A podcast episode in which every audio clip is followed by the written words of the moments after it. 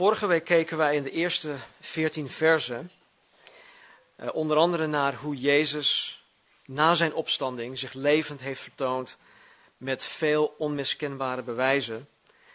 En dat hij dit vandaag de dag nog steeds doet. Jezus vertoont zich levend aan ons door veel onmiskenbare bewijzen.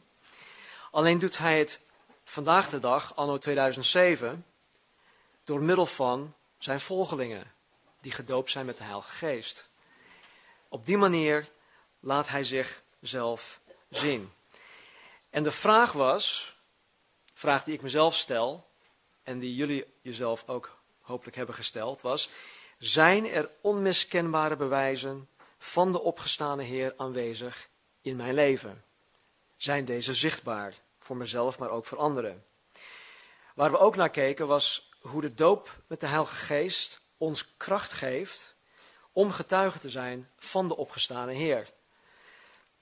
Het woordje kracht um, betekent of komt van dunamis, waar wij het Nederlands woord dynamiek, maar ook dynamiet van krijgen.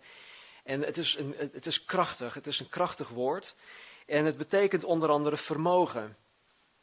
dus wanneer de Heilige Geest over ons komt, krijgen wij het vermogen om getuige te zijn. En onder het vermogen kun, kan, je, kan je verstaan het kunnen. Dus ik kan getuige zijn als ik gedoopt ben met de Geest. Ik kan leren getuige zijn vanuit Gods Woord, vanuit preken, vanuit Bijbelstudies. Ik kan erover nadenken, ik kan, ik, ik kan, het, ja, kan erop over mediteren. Ik kan op Gods woord mediteren en ik, ik kan het tot me, tot me, ja, op me in laten werken. Ik kan er ook voor kiezen als ik die kracht heb ontvangen. Het betekent ook dat je de capaciteit hebt gekregen. Of dat je de capaciteit krijgt. En dat, dat betekent dat je bekwaam, de, bekwaamheid krijgt om getuige te zijn. Ook de geschiktheid om getuige te zijn. Kortom, je wordt in staat gesteld om getuige te zijn wanneer de Heilige Geest over je heen komt om getuige te zijn. Nou, een getuige is iemand die martelaar is. Schrik niet. Maar het is iemand die martelaar is voor de opgestane Jezus. En dat betekent niet letterlijk dat je, dat je sterft. Want wat heeft God eraan als wij hier allemaal lichamelijk dood waren? Dan konden we geen getuigen zijn. Maar wij zijn levende getuigen. En wij zijn enerzijds levend voor God. Anderzijds zijn, we, zijn wij dood of afgestorven in ons oude natuur, natuur voor de zonde. En dat is heel mooi uh, omschreven in een stukje uit Romeinen. Dat wil ik wel voorlezen, want het geeft ons een heel mooi beeld. Um, ja, hoe dat er eigenlijk uitziet. En dat uh, kan je vinden in Romeinen hoofdstuk 6. Ik haal gewoon een aantal versen ertussen uit. Wat zullen wij nu zeggen? vraagt Paulus. Zullen wij in de zonde blijven, opdat de genade toeneemt? Volstrekt niet. Hoe zullen wij, die aan de zonde gestorven zijn, nog daarin leven? Of weet u niet dat wij allen die Christus, in Christus Jezus gedoopt zijn, in zijn dood gedoopt zijn? Wij zijn dan met hem begraven door de doop in de dood, opdat evenals Christus uit de doden is opgewekt door de heerlijkheid van de Vader, zo ook wij in een nieuw leven zouden wandelen. Dit weten wij toch, dat onze oude mens met hem gekruisigd is, opdat het lichaam van de zonde teniet gedaan zou zijn en wij niet meer als slaaf de zonde zouden dienen. Want wie gestorven is, is rechtens vrij van de zonde. Want wat zijn sterven betreft, sterven van Jezus, is hij eens voor altijd voor de zonde gestorven. En wat zijn leven betreft, leeft hij voor God. Zo dient, zo dient ook u uzelf te beschouwen als dood voor de zonde, maar voor God levend in Christus Jezus onze Heer. Laat dan de zonde niet regeren in uw sterfelijk lichaam, om aan de begeerte daarvan te gehoorzamen. En stel uw leden niet ter beschikking voor de zonde als wapens van de ongerechtigheid, maar stel uzelf ter beschikking aan God, als mensen die uit de doden levend geworden zijn. En laat uw leden wapens van de gerechtigheid zijn voor God, want de zonde zal over u niet heersen. Dus Paulus geeft in dit stukje aan, en misschien moet je daarop mediteren. Het is één ding om het even gehoord te hebben, maar lees dit de aankomende week. Romeinen hoofdstuk 6. Nou, het andere wat, wij, wat we vorige week zagen, is dat Jezus voor een tweede keer naar de aarde komt En dat hij op de olijfberg, ten oosten van Jeruzalem, neer zal dalen vanuit de hemel. En de hele wereld zal het zien. En we hebben tegenwoordig alle technische snufjes om dat ook mogelijk te maken. Met CNN, met eh, satelliet-tv. We kunnen alles op, overal in de wereld, kunnen we het in real time, kunnen we dingen zien. Nou, ik denk dat het heel belangrijk is dat wij de wederkomst van Jezus en de opname van de gemeente niet door elkaar halen. Vaak denken mensen dat hè, de opname van de gemeente en de tweede komst van Christus, dat dat één en, dezelfde gebeurtenis is. Maar dat is niet zo. Het zijn twee aparte gebeurtenissen. Nou, over de opname van de gemeente weten we niet wanneer dat zal gebeuren. Maar het mooie ervan is, er zijn geen profetieën meer die nu nog vervuld moeten worden om dat mogelijk te maken. Dus er hoeft in principe, profetisch gezien, hoeft er niks meer te gebeuren op aarde um, voordat Jezus Christus ons als gemeente op kan nemen. Dus het kan elk moment gebeuren. Dat is de opname. Nou, over de wederkomst van Christus, wanneer hij voor de tweede keer naar aarde toe komt op de Olijfberg, wanneer hij het duizendjarige rijk zal, zal inleiden, daar weten we vanuit zowel het boek Daniel en, het boek uh, Openbaring, dat het zal komen na de zevenjarige uh, grote verdrukking. En die periode die, die de wereld mee zal maken. Dus op het moment dat wij als gemeente opgenomen worden, gaat die zevenjarige periode in, dan komt de wederkomst van Christus. Dus enerzijds weten we wanneer hij, wel, wanneer hij terugkomt, anderzijds ook weer niet, want we weten niet wanneer die zeven, zevenjarige periode ingeleid gaat worden. Goed, dat is even, even terzijde. Maar dus in de tussentijd zitten wij hier nog en er is een hoop werk aan de winkel. En ik denk en ik geloof dat dat werk bij ons begint, in ons en onder ons. Dus laten we vandaag kijken naar wat Gods woord ons te vertellen heeft, ons te leren heeft om aan dat werk, um, of dat werk voor te zetten. Uh, vanmorgen gaan we kijken naar hoe Petrus en de discipelen Gods wil trachten te kennen zonder gedoopt te zijn met de geest. Het is, het is best wel interessant om te zien hoe dat gebeurt en wat er gebeurt. En uh, ik denk dat voor vanmorgen, dat we, althans dat haal ik ervan uit, dat, uh, dat we leren, dat we vandaag iets leren hoe het niet moet. Vers, uh, ik ben vorige week ben ik uh, met vers, vers 14 geëindigd, maar ik ben er vrij snel overheen gegaan. Ik wil daar nog even bij stilstaan. In vers 14 staat er, deze, dus de discipelen, waren allen eensgezind, volhardend in het bidden en smeken, met de vrouwen en Maria, de moeder van Jezus, en met zijn broers. Ze waren allen eensgezind, volhardend, volhardend in het bidden en smeken. Eensgezind betekent dat ze allemaal hetzelfde willen. En blijkbaar baden zij voor de vervulling van de belofte. Want Jezus zei: Wacht in Jeruzalem, wacht op de vervulling van de belofte van de Vader. Dus ongetwijfeld baden ze daarvoor. In het Engels staat er dat zij in one accord baden. En dat vind ik wel mooi, want het doet me denken aan een muzikaal akkoord. waar je drie of meer uh, uh, klanken hebt of tonen hebt, die dan een akkoord vormen. een samenklank van, van drie of meer tonen. En het, het, mooie van dat voorbeeld is dat elk, elke toon is uniek. Het heeft zijn eigen eigenschappen. Het, het klinkt allemaal anders als, als je het aan, uh, aanhaalt of wat dan ook. Ik weet niet hoe je dat zegt. Maar samen vormt het gewoon een heel een prachtig geluid. Ik weet van uh, een van de jongens hier, die speelt, uh, die speelt harp. En nou, zoveel snaren, ze klingen allemaal anders. En als je dat dan in samenspel, klinkt dat zo mooi. Hetzelfde met een piano of met een gitaar. Dus um, ondanks de diversiteit van deze 120 mensen, vormden zij een eenheid in gebed. En ik geloof dat wij daar ook iets van kunnen leren. Zij bleven volhardend in het bidden en smeken. En volhardend betekent simpelweg volhouden. Geen haarbreed wijken, voet bij stuk houden. Wat men begonnen is, ten einde uitvoeren. Kortom, ze bleven bidden totdat het gebed door God verhoord werd. En in de evangelie zei Jezus niet voor niets, blijf vragen, blijf zoeken, blijf kloppen. Weet je dat God mijn gebeden, ik weet niet hoe het bij, bij jullie zit, maar God verhoort mijn gebeden altijd. Altijd.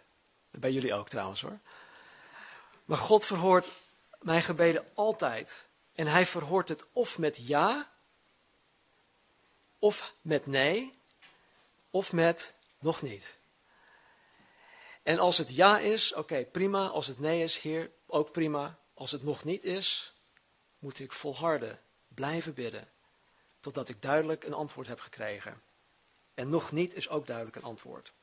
Goed, we gaan beginnen met eh, vers 15.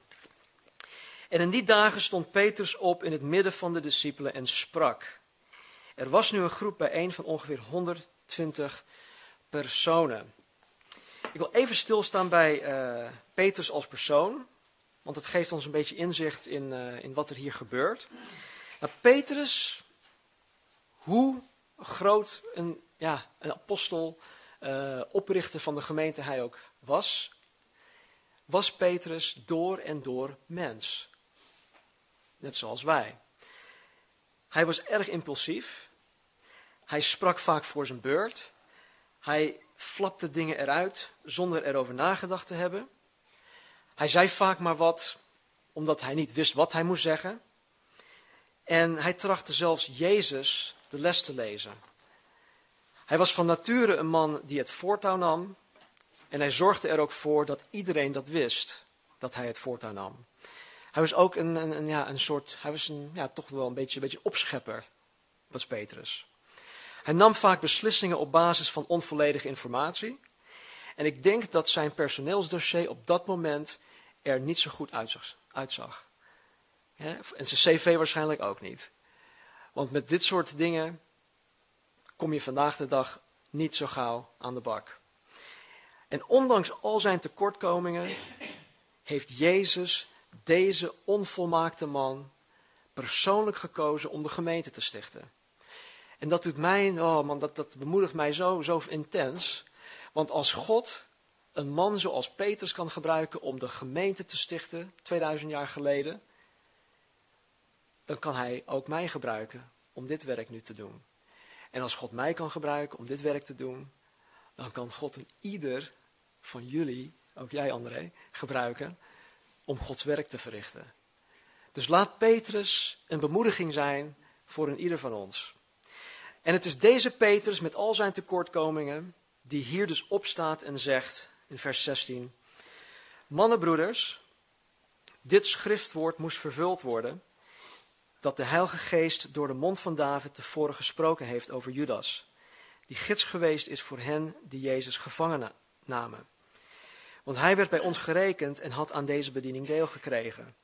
Deze nu heeft met het loon van de ongerechtigheid een stuk grond verworven en nadat hij voorovergevallen was, barstte hij in het midden open en kwamen al zijn ingewanden naar buiten. En het is bekend geworden bij allen die in Jeruzalem wonen, zodat dat stuk grond in hun eigen taal Akaldama genoemd wordt, dat wil zeggen bloedakker. Want er staat geschreven in het boek van de psalmen, laat zijn woonplaats woest worden en laat er niemand zijn die daarin woont. En laat een ieder, of laat een ander zijn ambt als opziener nemen. Tot zover. Nou, zo te zien had Petrus best wel veel Bijbelkennis. Hij haalt hier een aantal uh, psalmen aan. En je zal zien straks in hoofdstuk 2 dat hij een heel stuk uit het boek Joël citeert.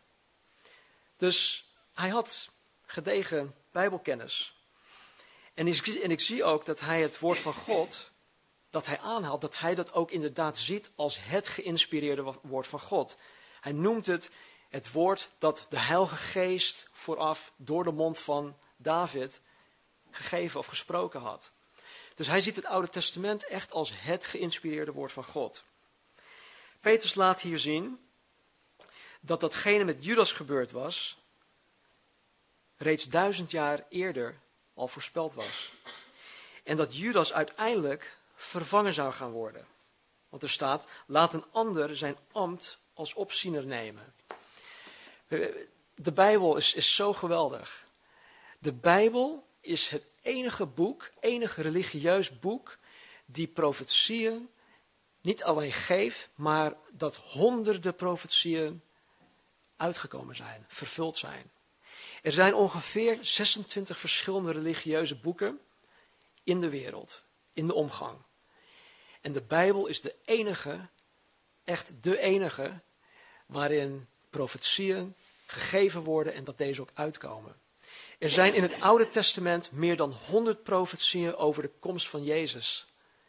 Een aantal van deze hebben betrekking uh, op zijn, zijn eerste komst, als Jezus, hè, de eerste komst van 2000 jaar geleden, en een aantal op zijn wederkomst. En heel veel van deze zijn al uitgekomen, zijn al vervuld. Dus we kunnen uh, bouwen, we kunnen vertrouwen op de Bijbel. Uh, vers 21. Het is dus nodig dat een van de mannen die met ons omgegaan zijn gedurende heel de tijd dat de Heer Jezus onder ons in en uitging, vanaf de doop van Johannes tot op de dag waarop hij van ons opgenomen werd, met ons getuige wordt van zijn opstanding. En zij stelden een tweetal, Jozef en Matthias. En ze baden en zeiden, U Heere, kenner van het hart van allen, wijs van deze twee er één aan, die U uitverkoren hebt om deel te krijgen aan deze bediening, namelijk aan het apostelschap, waarvan Judas afgeweken is om naar zijn eigen plaats te gaan. En zij wierpen hun loten en het lot viel op Matthias. En hij werd met instemming van allen aan de elf apostelen toegevoegd. Nou, dit stuk zien wij dat Petrus tot de conclusie komt dat zij op dat moment de opvolger van Judas moeten aanstellen als de twaalfde apostel. Hij stelt de criteria waaraan deze persoon moet voldoen. dat hij Jezus persoonlijk uh, meegemaakt uh, moest hebben. Vanaf de doop van Jezus tot en met de hemelvaart. We zien hier dat zij twee mannen, Jozef en Matthias, voordragen als kandidaten. Er wordt aan God vervolgens gevraagd wie van deze twee hij op het oog heeft. Zij wierpen hun loten, het lot viel op Matthias en met instemming van allen werd Matthias als de twaalfde apostel benoemd.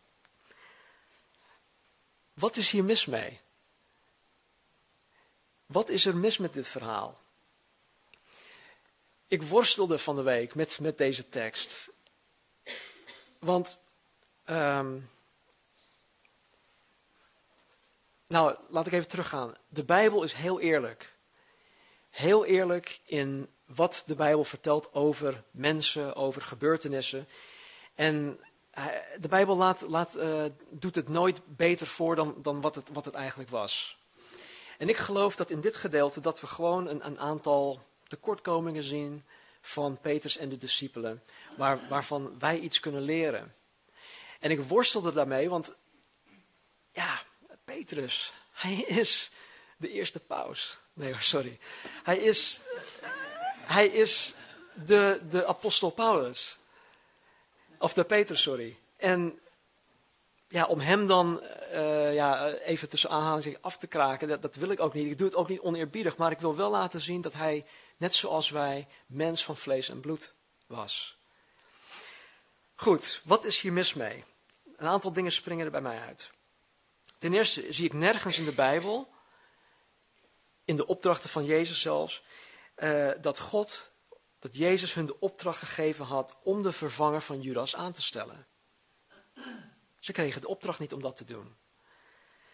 Het staat natuurlijk wel in de psalmen. Peters citeert het, hij haalt het zelfs aan. Maar er staat niet dat het per se op dit moment door deze mensen op deze wijze moet gebeuren. En ja, dat het vervuld moet worden is duidelijk, want het staat er in Gods woord. En Gods woord komt altijd uit. Dus dat het moet gebeuren is, is duidelijk. Maar het wil nog niet zeggen dat zij het op dat moment in vervulling moest brengen. Het is Gods woord en het is en het blijft zijn werk. En hij bepaalt uiteindelijk hoe en wanneer hij zijn woord tot vervulling brengt. Zij hadden het voordeel dat ze de psalmen hadden. Er zijn ook een aantal profetische uitspraken gedaan die niet vastgelegd zijn in de Bijbel. Er het wordt tegenwoordig ook nog geprofeteerd in die zin dat er profetische woorden over mensen uitgesproken worden. En dat noemt de Bijbel dan ook de, gift van, de gave van profetie, een woord van profetie. En deze dingen moeten we altijd toetsen aan het woord van God. Um, dat we deze dingen dus niet um, vastpakken, omhelzen en daarmee rennend de deur uitgaan en van jongens, ik ga dit in vervulling brengen. Ik had um, in 1992 ben ik, eh, toen woonden we nog in de States, toen ben ik naar Nederland uh, op vakantie gekomen en ik had een kerk bezocht in, in Leiden. En na de, na de dienst kwam een vrouw naar me toe en die vrouw die zei uh, heel voorzichtig, meneer, um, ik, ik, sprak amper Nederlands, dus ze, ze, sprak in het Engels, maar ze zei min of meer, meneer, uh, tijdens de zangdienst gaf God mij een gezicht, een, een visioen en ik zag u hier in Nederland het evangelie verkondigen. En nou, ik bedankte haar heel beleefd, want ik was op vakantie en ik had net uh, ons, ons huis gekocht in de States. Uh, we gingen net een commitment aan van 30 jaar. Ik had mijn vijfjarenplan al netjes uitgestippeld, want ik was carrière aan het maken. En ik had die mevrouw gewoon ja, beleefd bedankt. En ik zei, nou mevrouw, dankjewel. Ik had het ergens in mijn achterhoofd gestopt en ik ging naar huis toe. En ik had er verder ook nooit meer aan gedacht. Ik had het tussen neus en lippen door wel even aan, met, aan Marnie gedeeld, of met Marnie gedeeld. En ze zei, nou ja, ze, ze lachte een beetje, maar goed. Uh, we deden daar verder niks mee. Na verloop van tijd merkte ik dat God toch in mij bezig was en dat hij een bepaalde roeping op mijn leven had, had geplaatst. En niet zozeer over, over deze, deze woorden van, de, van die mevrouw, want daar dacht ik niet eens aan. Het, het, het, het kwam uit een hele andere hoek en het, het, het, nam een hele andere vorm. Maar op een gegeven moment moest ik terugdenken aan, hé, hey, in 92, in juli, toen ik hier met Ashley was, mevrouw Brouwer, die sprak me aan. En dan komen al deze gedachten weer terug. En nu sta ik hier, zoveel jaar later. En nou, ik wil alleen maar zeggen dat ik het niet nagestreefd heb. Ik heb, ik heb, ik heb zelfs het van me afgehouden om hier naartoe te komen en, en, en dit te gaan doen. En ik heb zelfs mensen om me heen gehad die het afhielden om het te gaan doen. Maar toch heeft God er, ervoor gezorgd op een of andere manier dat wij hier gekomen zijn. En nu mag ik met jullie het boek Handelingen doornemen.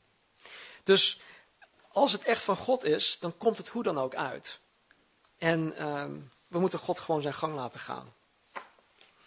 Nou, ik zie ook, wat is er mis mee met dit verhaal? Ik zie ook dat zij twee mannen hadden voorgedragen um, Jozef en Matthias. Twee namen. Zo vaak draag ik mijn beperkingen over naar God. En ik doe dat met de aantal keuzes die ik aan God voorstel. Um, heer, moet ik deze baan nemen of moet ik deze baan nemen? Heer, moet ik deze opleiding volgen of die opleiding? Heer, is deze persoon mijn toekomstige echtgenoot of is het die? Er zijn zoveel, uh, is het die of is het die? Uh, misschien heb je wel meerdere keuzes. Misschien moet je wel kiezen uit vier of vijf. Dat doet er niet toe. Maar vaak beperk ik God door mijn eigen beperkingen door voor Gods troon te leggen. En wat ik daarmee bedoel is, um, ik zie alleen um, wat, voor, hè, wat, wat ik zie. Ik zie, ik heb twee keuzes. Maar misschien heeft God iets, iets heel anders voor mij. Maar daar kom ik straks nog even op terug. Als ik. Um, als ik. Uh, even denken. Als ik kies uit één of twee dingen. dan doe ik mezelf misschien tekort. Want ik weet niet wat God voor mij in petto heeft. is het wel een van deze twee. Misschien heeft hij totaal iets anders in petto voor mij. Waarvan ik op dit moment, met mijn beperkt zicht op de situatie, niets van af weet.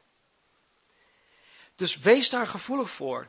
dus dat, dat ik in plaats van dat ik um, gericht ga bidden voor iets, en, en we worden ook geleerd dat we gericht moeten bidden, en we moeten ook gericht bidden voor bepaalde dingen. Maar in plaats van dat ik gericht voor iets ga bidden, is het beter om voor richting te bidden. Om voor leiding te bidden. Heer, dit zijn de keuzes die voor me liggen. U weet het. Leid mij, laat me zien binnen u, wat binnen uw volmaakte wil voor mijn leven past. En als het geen van deze keuzes zijn die ik zie, sluit alle deuren. Want ik wil geen fout maken hierin. Laat je door God leiden. Laat je niet door de keuzes leiden die voor je liggen. Want God weet altijd beter wat het beste is voor mij. Hij weet veel meer dan wat, wat ik kan zien. Um, een concreet voorbeeld was toen wij een plaats zochten voor onze samenkomsten. We hadden al een hele tijd Nieuw-Vennep in, ons, in onze gedachten. Um, we hebben ook uh, mensen benaderd, uh, gebouwen benaderd en gezocht naar een, een, geschikte ruimte. In Nieuw-Vennep was dus niks beschikbaar. Oké, heer, wat moeten we hiermee? Dit zijn onze keuzes. Um, nou, laten we iets dieper in, het, in de Haarlemmermeer toe gaan. Dus toen gingen we naar Hoofddorp. Ik heb zelfs uh, in Vijfhuizen gekeken. Nou, mensen benaderd. En gezegd van, heer, u weet het. Ik weet het niet meer. Ik weet het niet. Uh, dus kom maar op. En uiteindelijk kwam Ben Hartman met de uitnodiging. hey, ik wil met jullie praten hierover. Nou, kort, om het lang verhaal kort, kort te maken, dit is het uiteindelijk geworden. We hadden heel veel keuze voor ons. Maar de gedachten die wij erover hadden, waren niet zozeer de gedachten die God blijkbaar in gedachten had. Dus het is, het zoeken, het is proberen, het is, het is heel lastig als mens zijnde, omdat je het niet weet. En wij willen het juist weten. We worden het van kleins af aan geleerd, voordat je beslissingen neemt, voordat je iets doet, moet het wel overwogen zijn. Je moet alle informatie hebben. En dat is allemaal waar. Maar God begeeft zich op een heel ander vlak. En, en volgens zijn economie werkt dat gewoon anders. En alleen Gods geest kan ons daarin leiden. Hij kan ons duidelijk maken hoe dat werkt. En dat is best wel lastig. Best wel lastig. Zij wierpen hun loten om de wil van God te bepalen. En de praktijk van het werpen van loten was in het Oude Testament een gebruikelijke manier om de wil van God vast te stellen. Dat heet uh, volgens mij Urim en Tumim en dat had te maken met een, een, een zakje die ze voor hun uh, borstding had en, en, een aantal steentjes. En op die manier uh, stelden zij de wil van God vast. Zelfs in de tijd van Jezus in Lucas hoofdstuk 1, vers 9 staat er dat um, de priesters van die tijd, waaronder Zacharias, de vader van Johannes de Doper, dat ze uh, loodjes trokken om te zien wat voor dienst hij, hij, kreeg, de, de, priester Zacharias. Dus dat is heel gebruikelijk, dat is, dat is niets, niets nieuws. Echter, Jezus maakt hier een eind aan in het Nieuw Testament, omdat hij de Heilige Geest gegeven heeft, die ons nu de wil van God bekend maakt. Dus het is niet meer nodig om uh, loodjes te trekken. Het is God de Heilige Geest die zijn woord in ons en door ons bevestigt. Nou, waarom zeg ik überhaupt dat er iets mis is met het verhaal? Want ze hadden uiteindelijk een twaalfde man nodig. Petrus kan dat onderbouwen in de Bijbel. Hij haalde een aantal psalmen aan. Dus wat is er mis mee? Wat maakt het nou uit? Nou, ik denk dit. Jezus gaf hun expliciet de opdracht om naar Jeruzalem toe te gaan en te wachten op de belofte van de Vader. Ze zijn ook naar Jeruzalem gegaan. Ze gingen bidden. Ze, vol, ze volharden eensgezind in het gebed. Maar ergens tussen hun aankomst in Jeruzalem en Pinksteren, Handelingen hoofdstuk 2, een periode van tien dagen, ergens in die tijd lijkt het erop dat Petrus ongeduldig werd. En dat hij actie ondernam. Weet je, was, Petrus was iemand die het voortouw nam. Hij is een dader, hij, hij is een aanpakker, hij wil dingen doen. Dus hij werd waarschijnlijk ongeduldig. en hij, nam, hij ondernam actie. Misschien dacht hij wel, we hebben al een hele tijd gebeden en er gebeurt nog niks. En vanuit de evangelie zien we dat Peter zoiets eerder al had uitgehaald. Ik zei zo even, hij is impulsief. Hij doet dingen zonder na te denken.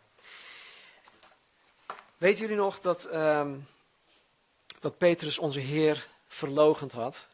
En na de arrestatie van Jezus um, was hij daar in het hof. Hij was zijn handen aan het warmen aan het vuur. En hij verlogende Jezus. En na de derde keer kraaide de haan. En, en hij had op dat moment oogcontact met Jezus. Jezus keek hem aan. En Petrus was zo teleurgesteld in zichzelf. Hij, hij rende huilend weg. Hij was ontmoedigd. Vervolgens zag hij dat zijn Heer en Meester gekruisigd werd.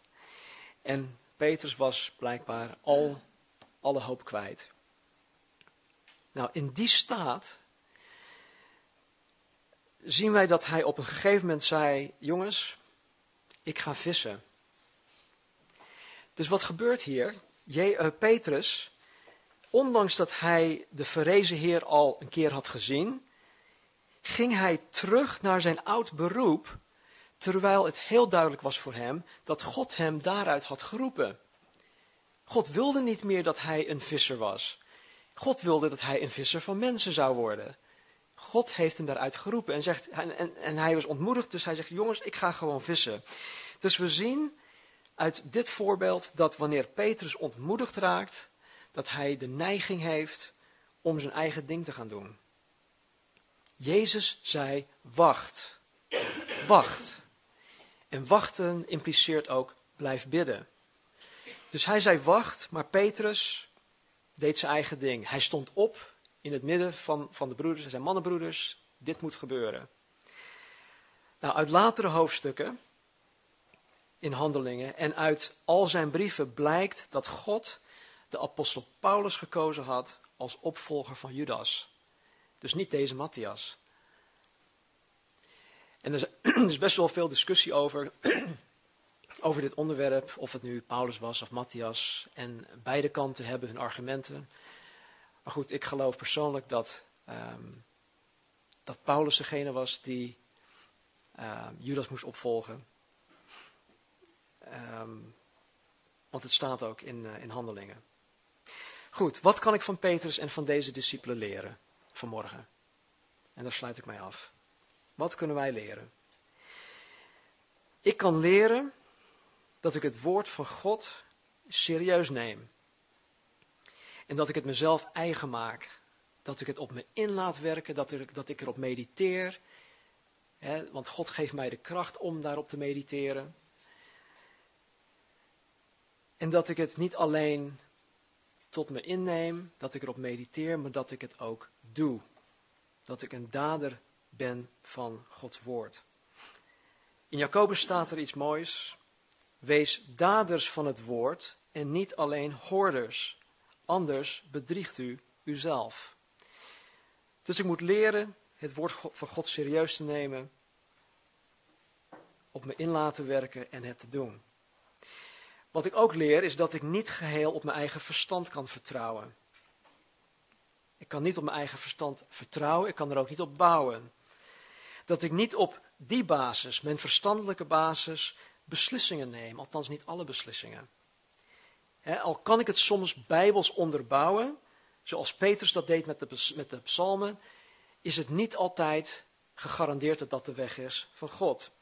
In Spreuken, in Spreuken 3 staat er, vertrouw met heel je hart op de Heere en verwacht het niet van je eigen verstand. Laat God delen in alles wat je doet, dan kan Hij je levensweg bepalen. Dus geef het over aan God. Ik leer ook dat ik mijn beperkingen niet overdraag aan mijn godsbeeld. Heel vaak, en dat, dat zie je in de hele wereld, maken mensen hun goden naar hun eigen beeld. In Romeinen hoofdstuk 1 lees je dat ze hun goden hadden gemaakt naar het evenbeeld van, van dieren, van kruipende dingen, van, van, van dingen in de zee. want dat zien ze. En heel vaak um, maak ik, ja, draag ik mijn beperkingen over naar mijn godsbeeld en dan denk ik van, oh nee, God, ik ben beperkt, dus God is ook beperkt. Maar dat is niet zo. Dus ik moet, ik moet mijn beperkingen niet overdragen aan mijn godsbeeld. Ik als persoon zie eigenlijk alleen wat vlak voor mijn neus ligt. Ik zie alleen in het heden. God ziet veel verder dan ik. Hij ziet ook wat er morgen gaat gebeuren.